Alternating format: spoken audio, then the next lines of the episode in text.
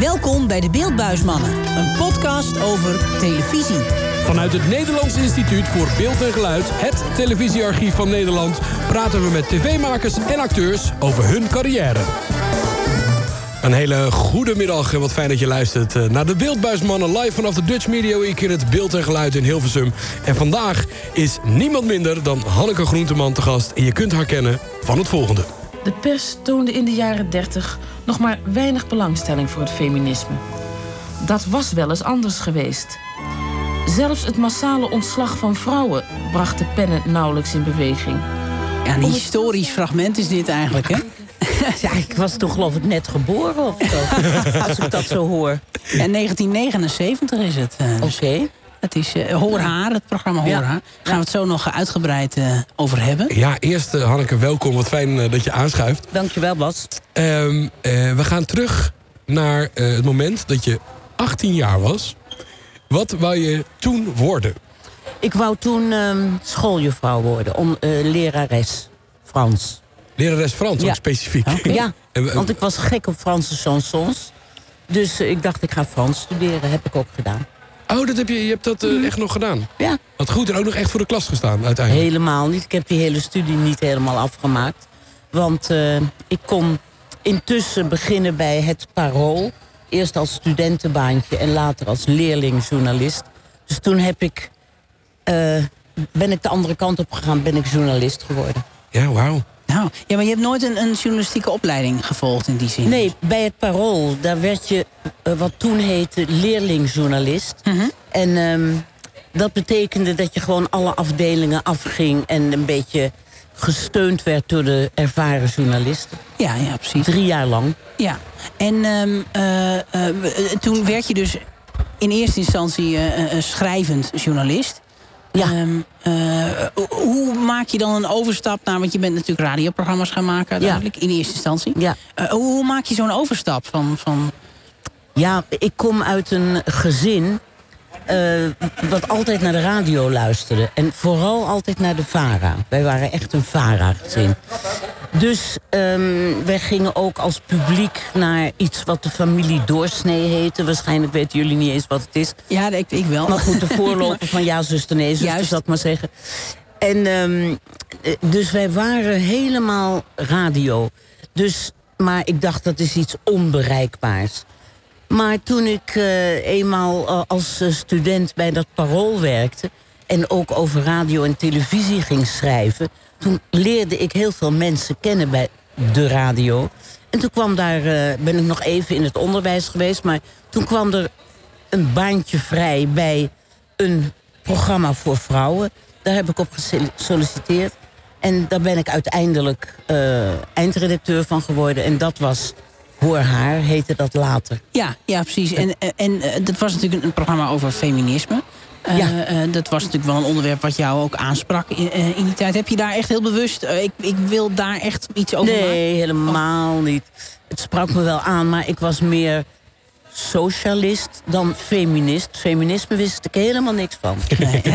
dus, was het ehm, voor vrouwen bijzonder om op de, bij de radio te werken? Want ik las toevallig een interview laatst met Annemieke Schollaert, Radio 2. Ja. En die noemde het nog steeds een mannenwereld. Ja, maar dat is ook de muziekwereld waar zij werkte, hè? Ja, oké. Okay. En dat, is een echt, dat was toen een mannenwereld. Maar ik werkte het, ik kwam binnen bij de VARA um, bij een vrouwenprogramma. Dus sowieso werkte ik alleen maar met vrouwen. Ja. En we zaten wel op een afdeling met heel veel mannen. Maar de sfeer was toch eigenlijk niet heel erg mannelijk. Gek genoeg bij de VARA. Toch niet? Nee, vond ik niet. Nee. Heb ik nooit zo gevoeld in ieder geval. Ja, dat is wel fijn.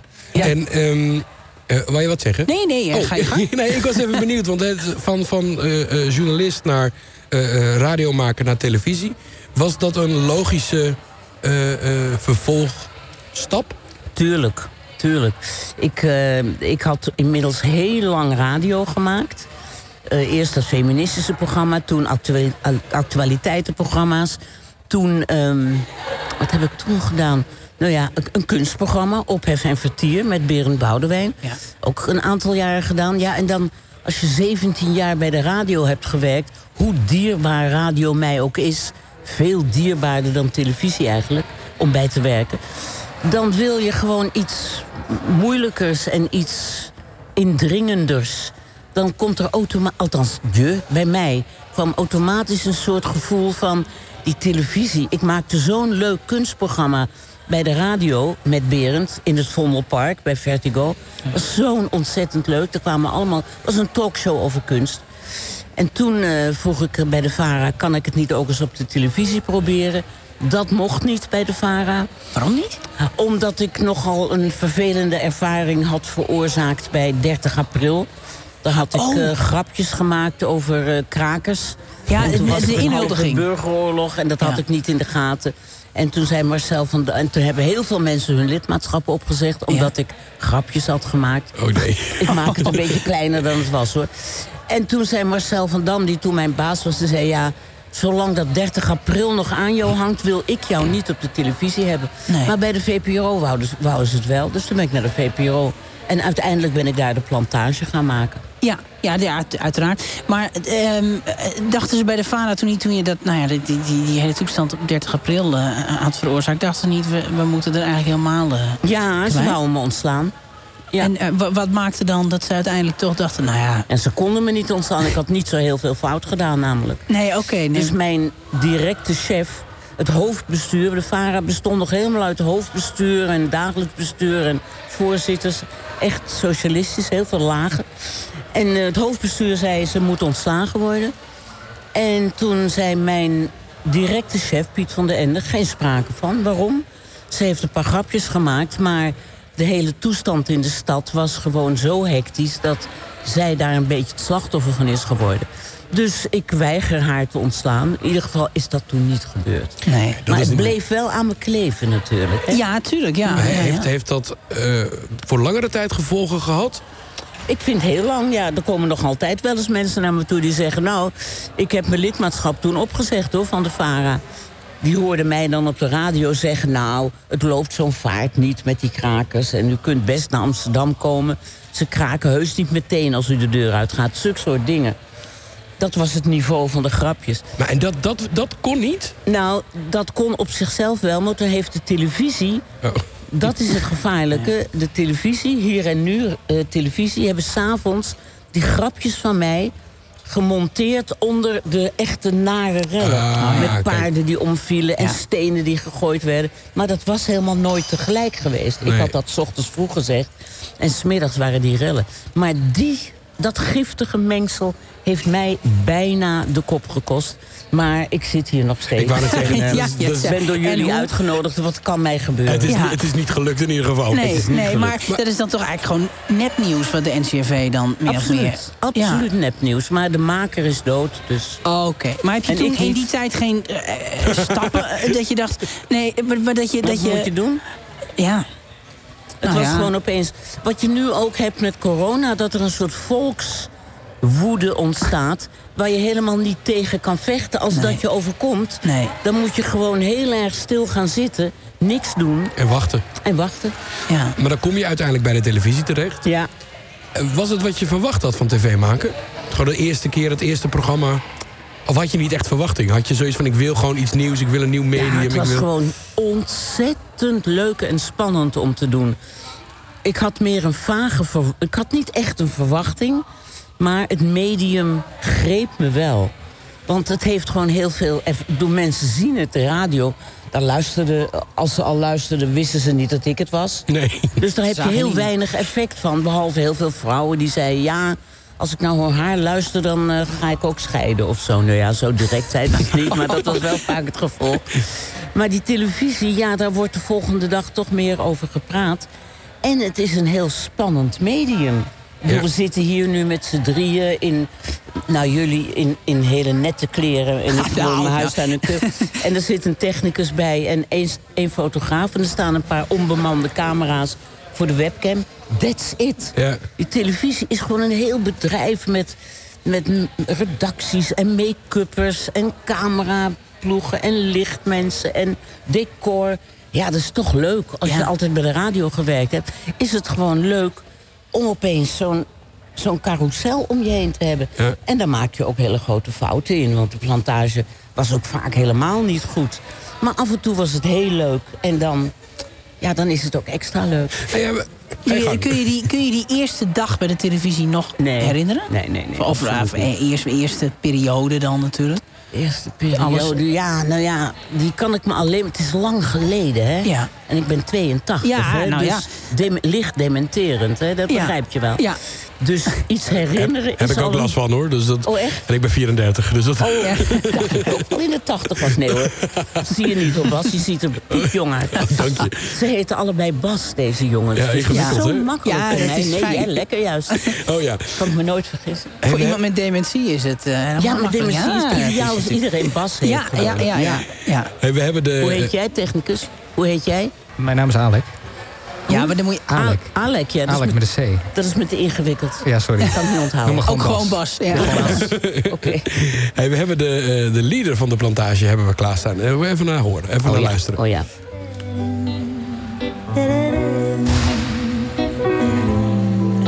Weten jullie waar dit Goedemiddag, uit is? dames en heren. Welkom in de plantage. Een uur eh, kunst en cultuur. Wat, wat zei je, Hanneke? Weten jullie waar die tune uit is? Nee. Nee, waar is het een bestaande muziek? Ja. Ach, Hele beroemde muziek. Weet niemand het? Nee. Het is uit The Godfather. Oh, echt? waar? Ja. uh, Mathilde mm, Wals. Connie Swals heet het. Ja. Oh. maar hoe is, die, hoe is die keuze gemaakt dan voor die muziek? Oh, we hadden een hele leuke redactie waarvan een, iemand heel veel van muziek wist. Ik denk dat die met Connie... Of iemand van de... Ik geloof dat het Roel van Broekhoven van de VPRO was. Die zei, dat is zulke mooie muziek. Echt iets voor jullie. En dat was ook zo. Ja, want de plantage ging natuurlijk over kunst en cultuur. Ja, helemaal. Pa- paste dat bij jou? Of Ja, was nou, het... ik had natuurlijk al jaren met Berend Boudewijn op de radio... Ophef en Vertier, Ja. wat precies hetzelfde eh, programma was. Oké, dus eigenlijk is het Alleen twee uur lang, dus dat moest je wel met z'n tweeën presenteren. Ja. Maar ook eh, literatuur, beeldende kunst, eh, eh, dans, podium, film. Alles. Het was een talkshow over kunst. En omdat ik dat zo leuk vond, dacht ik, dit moet eigenlijk op televisie ook. Ja. Dan heeft het nog meer impact dan op de radio. Juist. Hoe, hoe was dat? ehm, hoe werd erop gereageerd? Een programma he- helemaal in het teken van kunst en cultuur? Nou, daar werd gewoon heel goed op gereageerd. Er werd niet zo idioot veel naar gekeken natuurlijk. Want kunst is toch altijd nog niet voor de hele grote kijkcijfers. Maar het programma werd wel geliefd. Ja. Het was het enige programma, zo'n talkshow. Het is nog altijd. Is, het is nog, Ja. Nu is er ook Nee. niet. Nee. Maar het was ook zo fijn dat we elke week iets deden... waar mensen meteen naartoe konden of gebruik van konden maken... of konden gaan lezen. Het was een echt bijna agendarisch programma. Maar het is toch eigenlijk gewoon te triest voor woorden... dat een programma over kunst en cultuur gewoon nu niet... eh, eh, Ja. eh, het is er niet. Nou ja, er zijn een paar hele goede programma's. Natuurlijk uh, Cornald Maas. Ja, Zeker. ja, ja, ja. Zeker. Ja. Wat mijn Ja. eindredacteur was bij de plantage. Hè. We hebben Ja, samen tuurlijk. de plantage Juist, gemaakt. ja. En ik zie met ongelooflijk... Hij heeft eerst opium gedaan. Ja. Hij doet oerol. Ja. Hij doet nu volle zalen. En ik vind de volle Nee. zalen echt super. Ja, Ik ook, ik maar vind dat dat is maar, maar zo'n bepaalde periode. Dat, dat is dan maar Ja. eventjes. En dan, want opium was wekelijks natuurlijk. Ja, dat is wekelijks. Het Ja. is, ik, mis, ik mis wel een programma over kunst en cultuur... dat Ja. niet gewoon in hapklare brokken is... maar Ik gewoon ook. een, een fijne talkshow. Ik ook. En Ja. die zijn er nogal veel. ja, toch? Er zijn nogal veel talkshows. Maar geen één... En eh, bij Matthijs van Nieuwkijk, bij De Wereld Draait Door... zat natuurlijk altijd wel wat van kunst. ja. Ja, muziek sowieso natuurlijk. Ja, muziek sowieso, Ja. maar ook... eh, eh, hij was ook kunstredacteur bij het Parool vroeger. Dus Ja. kunst zit ook in zijn DNA. Nou, in het mijne ook. Ik ben gewoon... Ik word zo ongelooflijk gelukkig van kunst. Ja. In de breedste zin van het woord. Eigenlijk wel. Eigenlijk, ja, ik heb, eh, je ziet ook wel eens iets slechts. Maar ik vind het gewoon de arena kunst. Daar wordt gewoon niet, eh, geen oorlog gevoerd. En er wordt niet gesjoemeld zoals in de politiek. Kunstenaars, iedereen die kunst maakt... Ja, is gewoon bezig met iets creëren. Met iets moois. Met, Ja, ja, en ja. ze hopen iets moois. Niet altijd eh, gelukt, maar ze proberen. Dus ik vind de wereld van de kunst ligt, tilt mij gewoon op. Nou ja, dat, ik vind dat wel even een, een mooi linkje naar het programma Sterren op het Doek.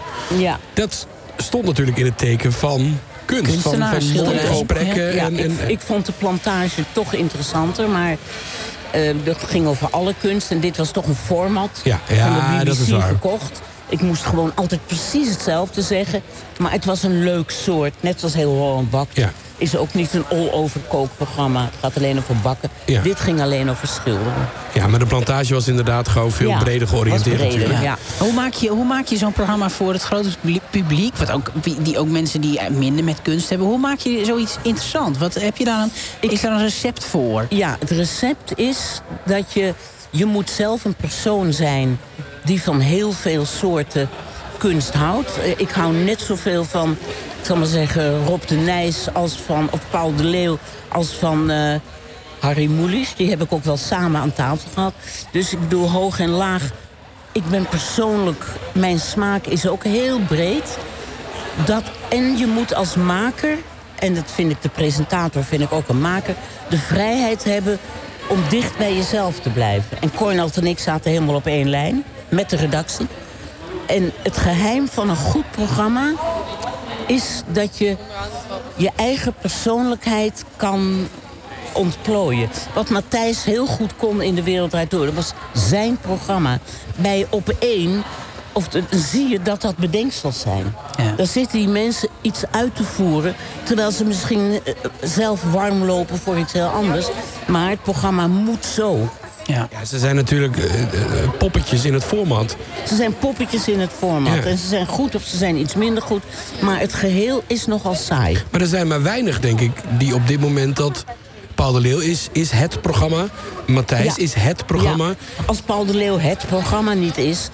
zoals bij Op 1, dan zie je dat meteen. Ja, dan lukt het niet. Nee. En, maar ik denk dat dat nou, misschien wel de enige twee zijn op dit moment die dat echt kunnen. Die echt dat programma zo naar zichzelf toe trekken dat ze het programma Nou ja, worden. Een totaal ander soort programma, wie het ook kan... Diederik Ebbingen met Promenade. Ja, Ja, oh ja, juist. absoluut. Ik vind dat Gijs, mijn zoon, die is nu aan het bouwen... maar Media Insight is echt zijn en Marcel's programma. Ja. Ja. En eh, Arjan Lubach, echt zijn programma. Ja. Snap je? Dus Ja. dat zijn voorbeelden waar je ziet hoe succesvol het is... als je een goede maker hebt met een goede belangstelling... en je geeft hem vrijheid. En dat is in Hilversum een, bijna een zeldzaam goed geworden. Ja. Vrijheid voor de maker. En dat was, dat was vroeger wel anders. Ja, Ja. Bij, bij- bij- bij ons bemoeide niemand zich ermee. En achteraf moest Cornald altijd wel in de eindredacteurenvergadering... eh, moest hij ondergaan dat ze zeiden... ja, we vinden de plantage eigenlijk te oppervlakkig. Dat vonden ze bij de VPRO, de, Ja. de jongens van de VPRO. Maar wij mochten gewoon doen wat we wilden. Ja, maar hoe doe je dat? Hoe- stuur je zo'n redactie? Want het zijn, hoeveel mensen zijn, waren er bij de Nou, plantage? drie. Oh, drie, oké. dat valt me. Maar als je een, een grotere redactie hebt, hoe stuur je dat goed aan? Dat het, dat het wel van jou blijft. Het lijkt me moeilijk om dan, Nou, dan ik de denk regie... dat het heel moeilijk is. Zoals Matthijs. Wij hadden een wekelijks programma van een uur. Ik bedoel, hoeveel redacteuren kan je aan het werk houden daarvoor? Maar Matthijs, met eh, De Wereld Draait Door... daar heb ik natuurlijk veel mee te maken gehad. Ja, die had een enorme redactie. Maar ik denk dat hij... dat een groot deel van zijn inspanning erin ging zitten... dat zijn persoonlijkheid bleef leidend. Ja. En dat was voor de redactie vaak heel irritant. En er was ook een groot verloop. maar ja, je moet als een generaal er bovenop zitten. Anders wordt het nooit zo'n goed programma. Nee. Dan wordt het een gemiddelde van al die redacteuren. Ja, dan wordt het niks. Nee. En je, je bent zelf natuurlijk eh, bij de Wereld Erdoor eh, eh, vaak genoeg tafeldame geweest.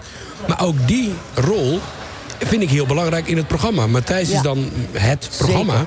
Zeker. Maar Zeker. het, het is zo belangrijk wie bij hem aan tafel Ja. zit... met wie die, die pingpongbal eh, Ja, eh, zeker. effect eh, heeft. Zeker. Hoe, hoe, hoe was het voor jou om in die rol dus een, een soort van sidekick aan die tafel te ja, zitten? ik vond het een enorme eer. Heel erg leuk en heel erg spannend. Vooral dat eerste minuutje.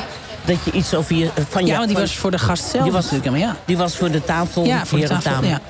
Maar ja, eh, het is altijd een beetje een feestje bij, bij de Wereld Draait Door, was het. Dat als je binnenkwam, was het al dat je denkt, oh, we gaan iets leuks doen. Ja, dat is natuurlijk nu helemaal, ook door corona, helemaal weg. Ja. Maar ook om, ja, de corona is daar wel, ik ben daarna ook nog wel eens bij programma's geweest in de coronatijd. Ja, je moet vlak voor het begin binnenkomen. Je moet meteen na afloop weg. Geen publiek. Dus dat zijn sowieso grote handicaps voor een talkshow. Ja, ja, absoluut. Mis je ehm, die rol bij Matthijs? Zo- ja dat heb ik heel erg gemist. Ja? Ja. Want je zat, je zat in de laatste jaren zat je er wat minder in. Ja, zeker. Nee, helemaal niet. Nee, of helemaal niet. Nee, nee, precies. Nee, ja, nee. zo gaat het bij de wereld draait door. Dan weet je nooit waarom. nee. Maar opeens val je uit het kaartenbakje. Ja. En er wordt nooit over gebeld of wordt niks gezegd. Opeens denk je, god, ze hebben al heel lang niet gebeld. En hé, hey. nou, dan word je gewoon niet meer gevraagd. Dat, li- dat lijkt me ook vervelend. Ja, maar dat, zijn, dat is vervelend, maar daar moet je een grote jongen voor zijn. Ja. Ik, ik was daar best eh, gevoelig voor. Ik heb daar best over lopen mopperen, maar dat is televisie. Ja. Dat is een nogal hard, meedogenloos. Het is feest als je erbij hoort. En als ze je niet meer nodig hebben, dan is het even afzien. Moet je even wegslikken. Ja, en dat dus. Eh, We hadden het net al heel even over Sterren op het Doek. Ehm, eh, hoe, hoe is het programma bij jou gekomen? Of ben jij met het idee... Ik, Ja? nou, niet met het idee. Nee, maar... Maar ik vond dat Omroep Max eigenlijk... Ik dacht, ja, ik ben nu oud, dacht ik toen. Toen was ik pas 70, wat ik nu al niet meer oud vind, maar toen wel. En ik dacht, god, ik ga eens met Jan Slachter praten. Zouden jullie niet eens een kunstprogramma op de televisie moeten hebben? Want dat vond ik typisch de doelgroep. Oudere mensen hebben tijd, hebben geld... zitten volop in de zalen. Zitten altijd van die grijze bollen in de bioscoop zitten en in de schouwburg. Dus ik dacht, zij zouden eigenlijk een soort plantage moeten hebben. En dat wou ik natuurlijk graag doen. En toen zei Jan Slachter, die wel met mij eh, lekker sigaretjes wou roken en, eh, en kletsen. Dat vond hij wel leuk, dat heeft hij meteen gedaan. En toen zei hij, nee, dat is niks voor ons. En jij bent ook iets te grachtengordel voor ons. Dus jij- ja, hij heeft gewoon een heel goed beeld van zijn doelgroep. Ja. Ik ben het niet helemaal met hem eens, maar hij is wel iemand die het zegt. Ja. En niet achter je rug, wat bij de wereld draait door... heb ik nooit iets van gehoord. En hij zei gewoon, je bent gewoon niet wat wij zoeken. Nou, prima. En toen belde hij een week later. En toen zei hij, ja, ik heb een programma op de plank liggen... wat eh, niemand wou hebben en wat wij gaan maken. En daar wou ik eigenlijk Mart Smeets voor hebben. Maar die mag niet van de NOS. en toen heb ik Charles Groenhuizen gevraagd. Nu een ster van Max. Maar die wou niet zo lang weg uit Washington. Toen dacht ik opeens, wij hebben zo gezellig zitten praten. Zou het niks voor jou zijn? Ik zei, nou Jan, dat lijkt mij op het lijf geschreven, zo'n programma. Toen hij beschreef wat het was.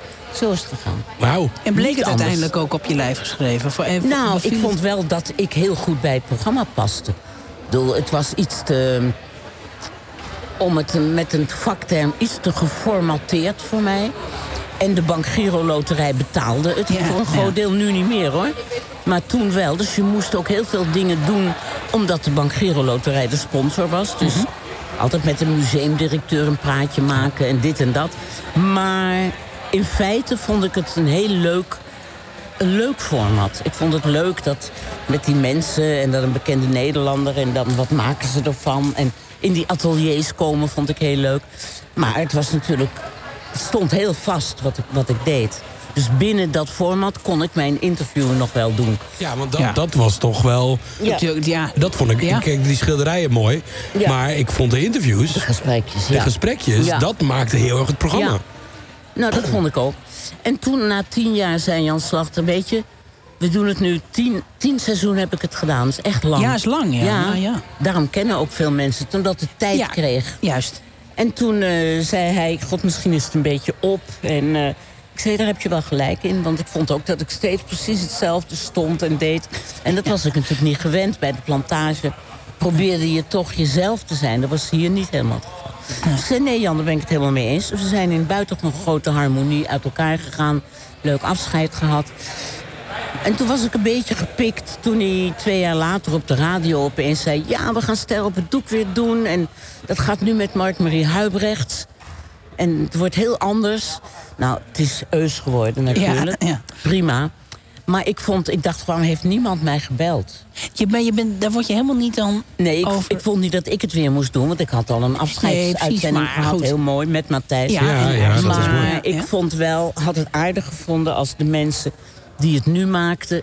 iemand mij had gebeld en gezegd... weet je, voordat je het op de radio hoort... we gaan het weer doen en we gaan het anders aanpakken. Ja. Maar goed, dat is nu helemaal over. Ah ja, dat- tuurlijk. Is totaal over, want ik, ik zou helemaal niet meer willen. Nee, maar toch, toch vind ik het, toch vind ik het, ik vind het al heftig. Dat je dan niet gebeld wordt. Dan denk ik, nou, ja, wat is dat nou voor... Maar ja, jij hebt ook allemaal hele grote lange tenen hè, in Hilversum. Ja, dat is Je ook bent weer zo. ontzettend trots als iets leuk gevonden wordt. Iedereen zegt ook, oh, wat ben je goed, wat ben je leuk. Terwijl niet iedereen dat vindt, helemaal niet.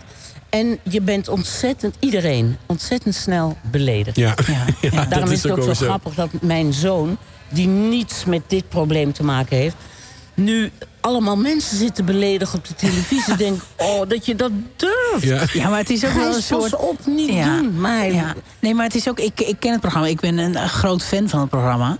Ehm, maar ik vind het heel verfrissend dat ze het doen. Omdat, het, Ja. omdat iedereen... eh, eh, nou ja, ook natuurlijk wel omdat op internet heel veel gecensureerd wordt... en dat soort dingen. Iedereen doet heel voorzichtig. En Ja. ik vind het helemaal geen Nou, ze- voorzichtig programma. Zij krijgen nu ook vanuit de omroepen toch wel berichten van... denk niet dat je bij ons ooit nog binnenkomt. Nee. Ik bedoel, de lange tenen zitten ook bij de omroepbazen. Dus als zij een programma bespreken en Marcel het een beetje afbrandt... dan is hun carrière hiermee klaar. Ja. Ja. Dan moeten ze ofwel tot hun dood media inside blijven maken... wat Nou ja. niet gebeurt. Nee. Nee. maar het is echt waar. Het is, Maar het, hoe, is een wereld van pluimstrijkerij en vleierij. En als je eh, iets negatiefs of een recensietje schrijft... dan is de wereld te klein. ja. hoe, hoe kijk je daarna als moeder? Met gigantisch veel trots Ja, en ook kritiek. Ja en dan... Wat en is dat, je kritiek? Ja, dat ga ik hier niet Nee, zeggen. oh. Dat, nee. dat bespreek ik met het kind zelf, als hij dat zou willen. Ja. Nou, maar oké, dat was mijn vervolgvraag Ja, namelijk. Eh, staat hij daarvoor open? Nee. Nee? Oké, oké, oké. Van je moeder, ik weet niet of jullie moeders hebben. Ja. Ja, zeker. Ja? Ja, dat, ja. En is het fijn als je moeder zegt... zeg, eh, doe eens een beetje andere kleren aan of zo? Nou, dat niet. Maar ik zou zeggen, ik, ik schrijf wel eens. Ik schrijf eh, columns. En ehm, eh, mijn moeder is een soort redactie. Oh ja. Dus die gaat dan weer langs. Nou, zou je dat nou zeggen? En dan ga ik daar natuurlijk tegen in. Ja, tuurlijk. Maar, Maar je luistert is wel. Ik luister wel. Ik vind het Ja, wel, dat- wel prettig, omdat zij mij zo goed kent. Dat vind, ik, dat vind ik heel knap. Ja. Wij, Ik- wij begeven ons niet op... En jij met je moeder? Nee, ik, ik, heb, ik heb fantastische ouders en ze steunen me in alles wat ik doe. Ja. En als ze komen kijken bij voorstellingen vind ik het heerlijk. Ja, Maar ze zeggen altijd, God was echt leuk. En dan Ja. denk ik, top, dankjewel. ja precies. Meer hoef je ook niet te horen van ze. Nee, en... En, ehm, En wat ze tegen hun tantes, tegen Moet- hun zusters en broers zeggen, laat mij. moeten ze doen. Maar nee, ik kan dat niet. Ik kan niet... Nou, hij is ehm, ook niet. Nee, nou En ja. ik, ook, ik van mijn ouders ook niet. Vroeger. Nee, nee. Mijn moeder zei ook altijd, dat is leuk. Nou ja, en als ze zou zeggen, ik vond het niet zo leuk... dan zou ik toch een heel nagevoel Ja. Ja. Je moet dat als ouders en kinderen... Kijk, jij hebt dan Bas, de ene Bas, eh, met je moeder... dat ze je mee kan helpen. En ik, Gijs, als hij het wil, dan hebben we het er ook over. Maar hij is trouwens ook in heel veel opzichten... veel beter dan ik. Veel beter. In wat voor opzicht? Nou, interviewen. Oké. Hij is, vind ik, maar ja, dat- als ik dat weer zeg in het openbaar... dan wordt hij gek. Nou, hij luistert hier toch niet. Nee. Hij, ik vind hem een van de beste interviewers van Nederland. Echt. Zijn eh Groenteman, met Groenteman in de kast interviews... die hij Ja. voor de Volkskrant maakt... eh, vind ik gewoon de beste interviews op het ogenblik. Maar wat, wat vind je er... Wat, wat, wat doet hij goed dan? Ten eerste, ja, hij schept een sfeer waarin mensen zich totaal prettig voelen. Iedereen. Ik heb eigenlijk nooit mee... Ja, één iemand, Quincy Gario. Daar kreeg je een beetje een, een vechtgesprek mee over Zwarte Pieten discussie. Ja. Oh ja. Hij die vond dat Gijs toch ook een racist was. Maar over het algemeen, al die gesprekken geven je niet alleen een aangenaam gevoel om bij aan te schuiven als luisteraar, maar ook heel erg veel informatie. Heel erg, hij heeft een heel groot psychologisch inzicht. En ehm, ik vlei me af en toe met de gedachte dat hij dat ook voor een deel van mij heeft. Maar hij voert het echt beter uit dan ik. Ja, maar heeft hij ook wat van je, van je opgestoken dan? Zegt hij dat wel eens? Of wat? Nou ja, goed, hij is, helemaal, hij is door mij opgevoed van, Ja. eh, van geboorte af. Door mij alleen. Dus ik denk toch, maar dat brengen we nooit zo onder woorden. Hij zegt het wel eens. Natuurlijk, hij, heeft, hij is als klein kind al meegegaan naar al mijn radiowerk. Hij ging altijd mee naar Op en Vertier. Hij ging ontzettend vaak mee naar voorstellingen als ik eh, er naartoe moest. Hij, het was voor hem, op zijn achttiende is hij uit huis gegaan... is hij met Teun van de Keuken trouwens, zijn eigen leven gaan leiden. Ja. Maar het is natuurlijk wat je op je paplepel hebt gekregen... dat komt in je DNA. Dat kan niet anders. Nee. En daar maak je zelf je eigen, je eigen persoonlijkheid van. Ja, ja mooi, mooi. Nog even terug naar Ster op het doek. Eh, want daar werden natuurlijk heel veel schilderijen gemaakt. Ja. Je, hebt- heb je je eigen schilderij eh, Ja. thuis hangen nog? Ja, ja, ja. ja. ja. Eh, in een hoekje waar niet iedereen het ziet hoor. Maar het is fantastisch namelijk. Een fantastisch van hout gemaakt werk is het. ja, ja, ja. Het lijkt ook helemaal niet, dus het is heel, leuk. heel fijn. Ja, het is gewoon een mooi ding. Ja, het is gewoon een, ja, een, een bij. Even, ehm, waren er ook wel schilderijen waarvan eigenlijk iedereen unaniem dacht van... nou, dit is zo afschuwelijk schilderij. Maar zeg je dat dan Nee. tegen die kunstenaar? Nee. Nee. Ik vind toch, dat is met kunst... daarom mensen vinden de plantagefonds ook altijd erg onkritisch. Dat was ook zo. Want met name kunstenaars... ik ben daar niet om te recenseren. Dan moet je zo'n rubriek maken... Ja, ja, lijkt waarin alles gezegd kan worden. Ja. Maar als, als jij ongelooflijk je best hebt gedaan... om in een paar weken een schilderij te maken... wat naar jouw gevoel mooi is... en ik zeg, ja, ik vind het gewoon afschuwelijk... dan kan ik net zo goed, als jij ooit een kind krijgt... ik weet niet of je er alleen hebt... Nee, nog niet. Nee, nee, er nee. ook nee, niet nee. uit. Jij ook niet, Nee. Bas? Nee, maar dat gaat ook niet gebeuren. Nee. Dat weet je niet? Nee, dat weet ik wel. Nou ja, dat komt niet uit je buik, maar... Nee, maar dat is een andere discussie. Ik, Oh. die, die, die, ik wil geen kinderen. Oh, je wil geen kind. Nee. Nee, want mijn beste vriend Paul de Leeuw heeft twee fantastische kinderen. Ja, oh ja, Maar goed, absoluut. Ja. Ehm, als, maar als ik tegen eh, jouw moeder zeg van... ik heb jouw zoon ontmoet, maar ik vind het gewoon een etter. Het is gewoon echt een afschuwelijke jongen. Nou, wat gebeurt er dan met jouw moeder? Ja, die gaat, natuurlijk in de verdediging. dood. Ja, of nou ja. ja. Nee, echt. Dus ik vind een kunstwerk van iemand, zelfs als het naar mijn mening eh, niet mooi is, het is toch een soort kind. Ja. Iemand heeft het toch maar gemaakt uit niks. Ja. Ja. Ja, dan eh, kan ik zeggen, het lijkt niet, of het is misschien niet helemaal mijn smaak, of wat heb je hiermee willen zeggen? Er zijn heel veel manieren om niet te zeggen, wat is dit fantastisch. Nee. Maar om te zeggen, ik vind het afschuwelijk, dat is zo'n mening. Ja. Dus- maar deden jullie daarom ook die, die schilderij, die eerste indruk natuurlijk... bij, bij iedere eh, eh, gast die, die Als- schilderijen omdraaien... eh, op, de, op de ezels. Eh, deden jullie dat ook bewust zonder de kunstenaars? Nou, dat was een opvatting van de, van de redactie. Dat Ja. was mijn opvatting nooit. Ik wou altijd heel graag dat de kunstenaars erbij waren... zodat ze de eerste reacties konden horen. Maar eh, de redactie, daar hebben ze misschien wel gelijk... de eindredactrice eh, vond eigenlijk meer dat eh, de geportretteerde vrijer was... om echt te reageren als de kunstenaars er niet bij waren. Ja, ja exact. Dus nu doen ze, geloof ik, dat de kunstenaars in een andere ruimte zitten en toch zien wat. eh, dat hadden wij niet. Oké. We hadden geen afkijking in de monitor of ja, Ja. juist. Ik geloof dat ze dat nu doen. Ik heb het nu helemaal nog niet gekeken. Op een of andere manier houdt het mij tegen. Om nu het programma, omdat ik het programma met jou ken. Nou, Bas, dat vind ik heel erg fijn om te horen. Ja, maar dit is, dit is, het is geen Ja. geslijm. Het is oprecht dat ik denk, ja, Ja. maar ik, ik heb niet die behoefte om nu dat programma aan te zetten... Nee. omdat het in mijn hoofd niet klopt. Maar het is nog steeds een leuk programma. En Eus is Eus. Die doet het heel anders dan ik. Maar woordelijk hetzelfde format, hoor. Ja. Behalve dat de Bank Giro Loterij het niet meer betaalt. Dus dat hoeven ze niet meer steeds te noemen. Nee. Als je eh, hier in het eh, beeld en geluid in de database gaat zoeken op eh, Hanneke Groenteman... Ja. dan kom je zo'n eh, nou, 18.000... Nee, ja, nee, ik heb het hier staan. Wat heb je Dit er is staan? echt een heel groot... eh, eh, 13.200 resultaten. Ja, er zijn er wel met een miljoen, hoor. Ja, Dus, nou ja. Maar de vraag, Ik- die, de vraag die hier achteraan komt van die 13.000... waar ben je het meeste trots op? Ja, ik geef interviewlessen. En ehm, een van onze lessen is... vraag nooit de overtreffende trap. Dus de kampioensvraag, dat is gewoon een gratis les die jullie nu krijgen. De kampioensvraag is namelijk niet te beantwoorden. Als jij zegt 13.000 hits... Waar ben je onvoorbereid, hè? Waar ben je het meest trots op? Nou, Het was ook niet een hele serieuze, een hele serieuze Nou ja, vraag. moet je hem niet stellen. Ik, ik was benieuwd of je, eh, moet of je zoiets hebt. Dat je van Ja, denkt... dan moet je gewoon toch eh, als tip vragen van... eh, eh, zijn er dingen waar je trots op bent? Of is er iets waar je toch met heel veel plezier aan terugdenkt? Maar waar ik het meest trots... dan ga ik heel gehoorzaam denken... waar ben ik het meest trots op? Nou ja, dan ga ik je- een onzin antwoord geven. Ja. Want dat kan ja. haast niet. Nee, dat, nee. ja, goed. Nee, nou ja. Ik was gewoon benieuwd. Ik was benieuwd of Ik dat denk een, dat eh, ik van alles wat ik heb gedaan... met ontzettend veel plezier terugdenk... aan iets wat ik voor Radio Noord-Holland heb gemaakt... En dat heette De Klaaglijn. En dat was een uurtje per week op de radio, op de lokale radio... eh, met een fantastische producer die Carla, Carla, Carla Nolte heet.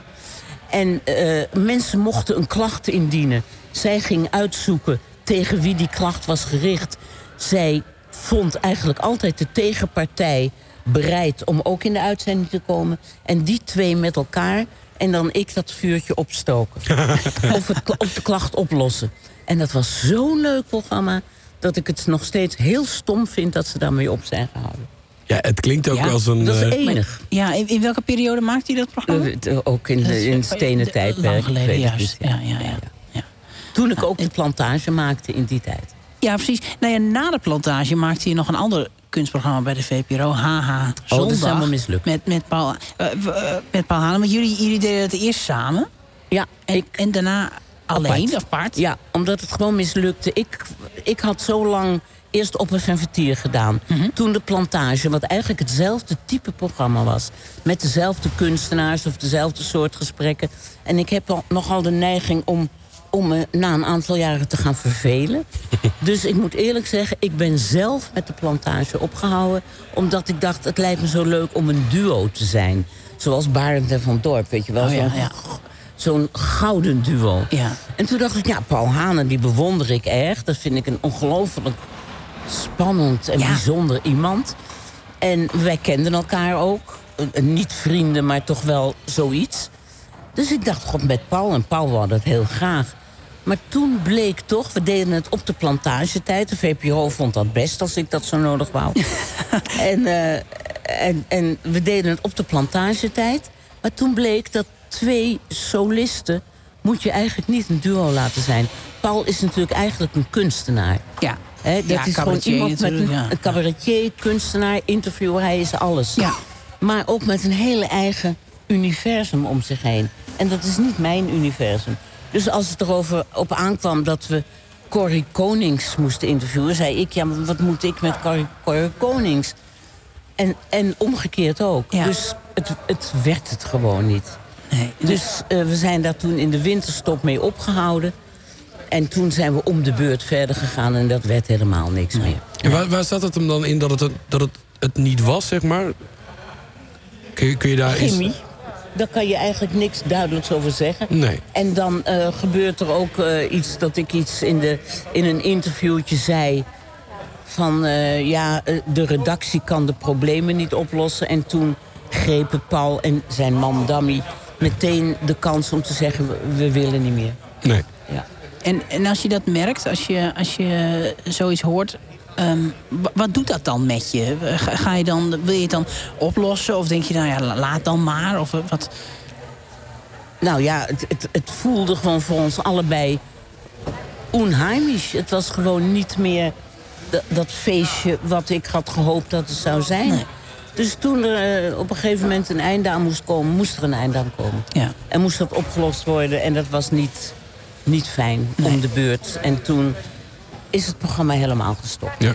En daar reken ik mezelf eigenlijk het meeste aan. Ja, maar- en wat, wat, wat was de reactie van de VPRO daarop? Eh, Nou ja, de Want- VPRO zei, als, als jullie niet meer... Ook toen ik zei dat ik wou ophouden...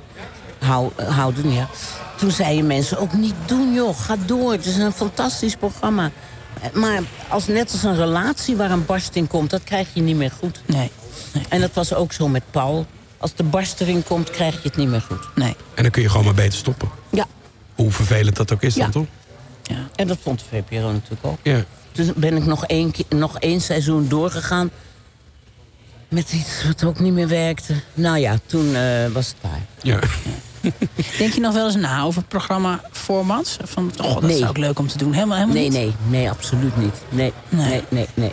Nee. Ik heb daarna nog wel een klein reeksje documentaires gemaakt over antisemitisme. Ik heb Ster op het doek naar de plantage gemaakt. Maar op een gegeven moment word je gewoon ook oud. En dan denk je, ik heb ook het hele ritme niet meer van deze tijd. Nee. En het is ook eigenlijk heel goed dat ik nu ongelooflijk geniet van, van hoe ik nu leef. En lesgeven, wat ik heel leuk vind, interviewles... dat je het aan andere mensen kan overdragen. En eh, dat ik af en toe nog eens bij jullie gevraagd word. En 70 jaar televisie, want ik ben natuurlijk een van de zeldzame bejaarde die nog praat. die nog zonder, die komt zelfs zonder rollator hier binnen. Nou, en ook nog met een ferme pas, hoor. Ik zag Ja. je binnenkomen Ja. lopen, dat ging, dat ging nog best snel. Nou, dat is niet helemaal waar. Maar... Nee, maar goed. 82 is oud hoor. Ja, nou ja, maar dan En heb je ook... Gijs heeft het nu... eh, Ja, de, de arena is nu voor hem en jongeren. ja, maar goed, in die zin heb je natuurlijk wel een flinke bak ervaring. Maar waar doe je dat lesgeven? Op, eh, Nou, dat doen we. Duke Veninga en ik, dat is een collega van de VPRO. We zijn al heel lang vriendinnen en zijn twaalf jaar geleden begonnen met ja, kleine cursussen, kleine workshops, interviewen van één dag. En, daar, ehm, en dat willen we ook niet te veel doen. Nee. Want voor je het weet zit je weer elke dag dat te doen. En we hebben verder heel druk met leven. ja. Je, hebt, je hebt ooit eh, eh, meegedaan aan... ehm, nou moet ik even Verborgen kijken. Verleden. Ja, Verborgen Verleden. Ja. eh, als Ja. deelnemer. Ja. Hoe, eh, hoe, hoe was dat? Nou, geweldig. Dat is zo'n groot cadeau als je dat krijgt. Dan denk je, jeetje, dat al, al die 13.000 hits in eh, beeld en geluid zijn het waard geweest dat ik nu hiervoor gevraagd word. Want het is echt een cadeau om mee te doen. Ja, want dan wordt je hele familie, voor mensen die het niet kennen... je hele familiegeschiedenis wordt uitgepluist eigenlijk. Ja, eh, althans de leuke lijn, hè? ja. Ze gaan ze eerst vragen ze of je mee wil doen, onder voorbehoud. Dan gaan ze kijken waar zitten leuke verhalen. Want als je een hele saaie voorgeschiedenis hebt, dan kunnen ze er ook niks mee. Nee. Alhoewel, Mark Marie had bijvoorbeeld de voorouders... die alleen maar rond Tilburg Ja. geloof ik waren. Dat was fantastisch. En, maar dat is Mark Marie, hè? Ja. Dus bij mij hebben ze de lijn van mijn vader gekozen. Die was iets spannender dan van mijn moeder. En die leidde helemaal tot Lissabon in de 16e eeuw of zo. Dat was heel erg leuk. Ja. ja, we hebben een fragmentje uit de uitzending van Verborgen Oh toen. ja? En, eh, en daar zeg je iets over wat het met je doet daar. Oké. Ik ben in een raar soort ehm carousel terechtgekomen. Gisteren nog een eh, infanterist als voorvader in een legereenheid. Vandaag zijn we opeens beland in de jetset van Joods Amsterdam in de 17e eeuw. En heb ik opeens een voorvader die eh, van Portugees-Joodse afkomst is. Nou, dat moet ik allemaal eventjes eh, een, plek, plek geven, zoals dat heet. Ja. Het lijkt, dit, je zei het net al een cadeautje, maar dit lijkt me zo bijzonder als je aan zo'n Oh, programma... En dan gaat zo'n redactie heel serieus alle archieven af en produceren dat geweldig. Dus die, nu blijkt dat die voorvader uit Lissabon gevlucht was voor de Inquisitie als Jood. Mhm. En toch eh, naast Rembrandt gewoond heeft. Ja. En met Spinoza in de school heeft gezeten. Nou heb ik daar zelf part nog deel aan. Maar iets in je wordt opeens trots. Dat staat nergens op. Het staat echt, als hij misdadiger was geweest, had ik, had ik me eigenlijk niet geschaamd. Want wat kan ik eraan doen? Ja. Maar nu die toch misschien Rembrandt in levende lijf heeft gezien. Ja, maar dat is, die, die gedachte alleen al is toch bizar? is echt Ja. te gek. En heeft mij ook veel meer interesse gebracht voor die tijd. En een dik boek over Spinoza gaan lezen. Ja, het slaat nergens op. Maar dan blijkt toch hoe fijn het is dat je wortels hebt... en dat mensen dat voor je uitzoeken. Dus dat is wel een heel groot cadeau geweest. Ja, wat heerlijk. Ja, mooi. Ja. Want je- bent natuurlijk... eh, het is een programma met bekende Nederlanders verborgen verleden. Ja. Eh, eh, zeg jij vaak ja als mensen je vragen voor een, voor een programma... als bekende Nederlander of als... eh, Nou, gelukkig zit ik niet in de kaartenbak bekende Nederlanders... dat ze me vragen voor...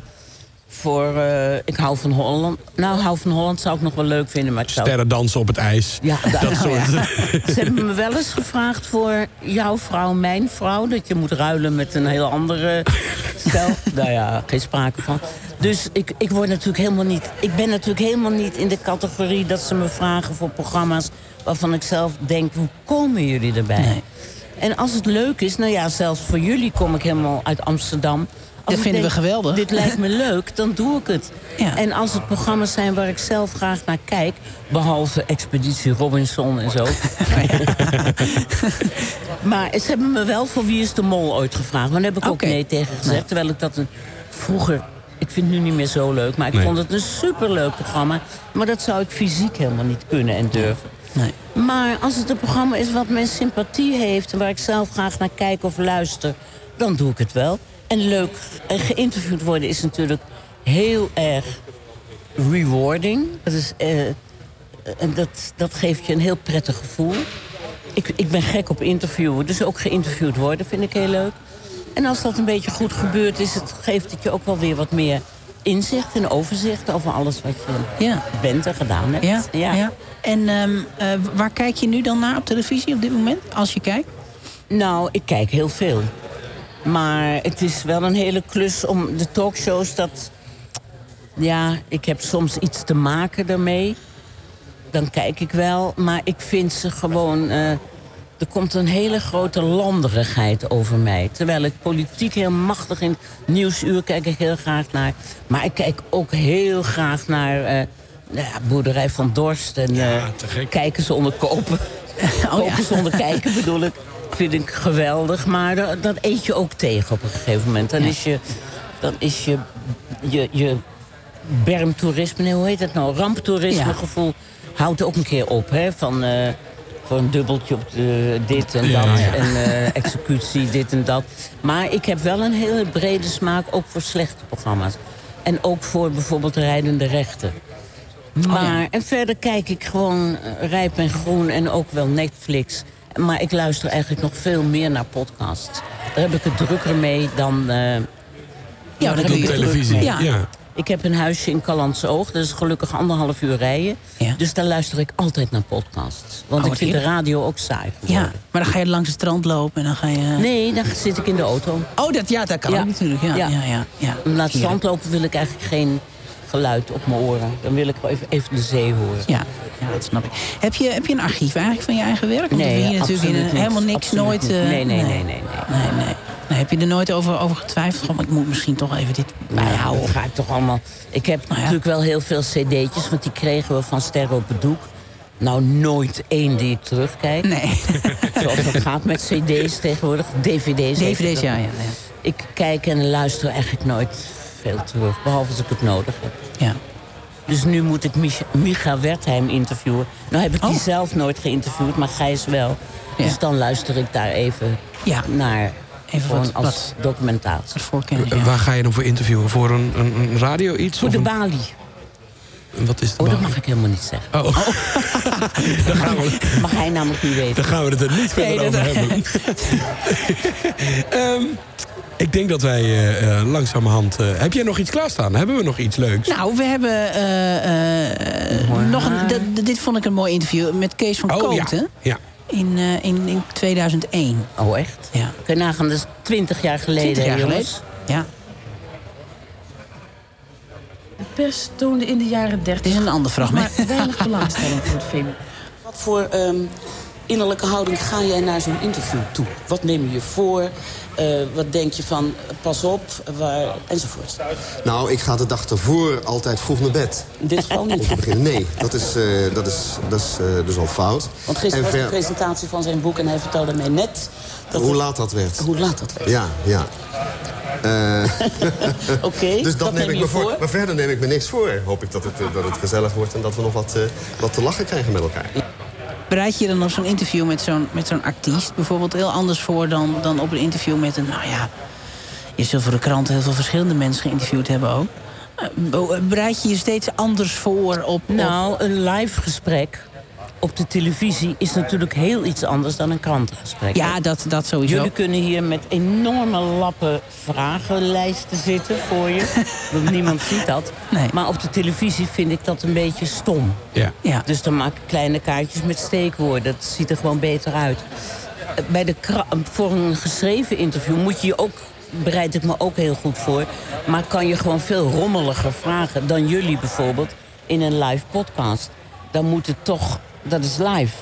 Of live, maar het kan ook Ja. uitgesteld beluisterd worden. Maar een, een kranteninterview, een schrijfinterview, kan je helemaal componeren. Eh, Hoor je, als je het terugluistert, jezelf enorm lang aan het woord als vragensteller. En jullie moeten gewoon stil knikken. Als je, als En vriendelijk kijken, hebben. En vriendelijk kijken, dat moet je anders ook. Je moet de, Ja, gast altijd ja. goed gestemd houden. Maar een kranteninterview kan je gewoon eh, van hot naar her doen. Of weer eens, eh, en dat kan je later mooi componeren. Dus dat is een andere techniek. Ja. Maar de voorbereiding moet altijd goed zijn. Ja. Je moet altijd alle fragmenten... Jullie hebben ook allemaal oude interviews gelezen of dingen geluisterd. Ja. Eh, hè, want anders krijg je zo'n gesprek niet rond. Nee, precies. Dan denk je, god, we lopen Waar- vast. Waar, waar, Waar hebben- waar hebben gaan we het over hebben? Wat Dan is het? leer ik Ja. jullie op de cursus hoe je dat los kan trekken. Maar Juist, oké. nu niet. Nee. Ehm, Ja, Het zit erop. We zijn er doorheen. Ja, dat ging, er klaar? weer, dat Ja, ging dat weer ging heel snel. snel. Lijkt mij toch wel genoeg ook, hoor. Nou, ik vind, ik vind dat je 50 hartstikke minuten. Bijna 50 minuten gepraat. Ja, Ja. maar dan kun je, als je tijdens een autorit... kunnen mensen weer lekker eh, Heerlijk. heerlijk Ja. luisteren. Oh, lijkt me zo fijn. Ja. Dank voor je, voor je mooie verhalen. Jullie ook bedankt, jongens, voor jullie goede voorbereiding en leuke vraag. Graag Dank je- gedaan. Dankjewel dat je er was, Hanneke. Oké. Eh, dankjewel dat je hebt geluisterd. Alek, eh, ook bedankt, hè? Alek. Alek. Alek, ook Altijd bedankt. Eh, dankjewel dat je hebt geluisterd eh, naar eh, de Beeldbuismannen... live vanaf de Dutch Media Week in het Beeld en Geluid in Hilversum. Morgen eh, om drie uur. Ja, Wie Rian, zit hier nou? Rian Gerritsen. Rian Gerritsen Ja, hebben we morgen. actrice. Ja, dat en wordt... dat wordt een, weer een heel ander gesprek. Ja. Maar, Is ook heel leuk. heel leuk. Ja, ik heb er heel veel We zin zijn in. benieuwd. Zijn benieuwd. tot morgen. Tot morgen. Je luisterde weer naar een aflevering van de Beeldbuismannen. Deze podcast wordt gemaakt door Bas de Jonge Bas van der Heijden. en Alek Meijerink. Wil je nou meer afleveringen horen? Ga naar www.beeldbuismannen.nl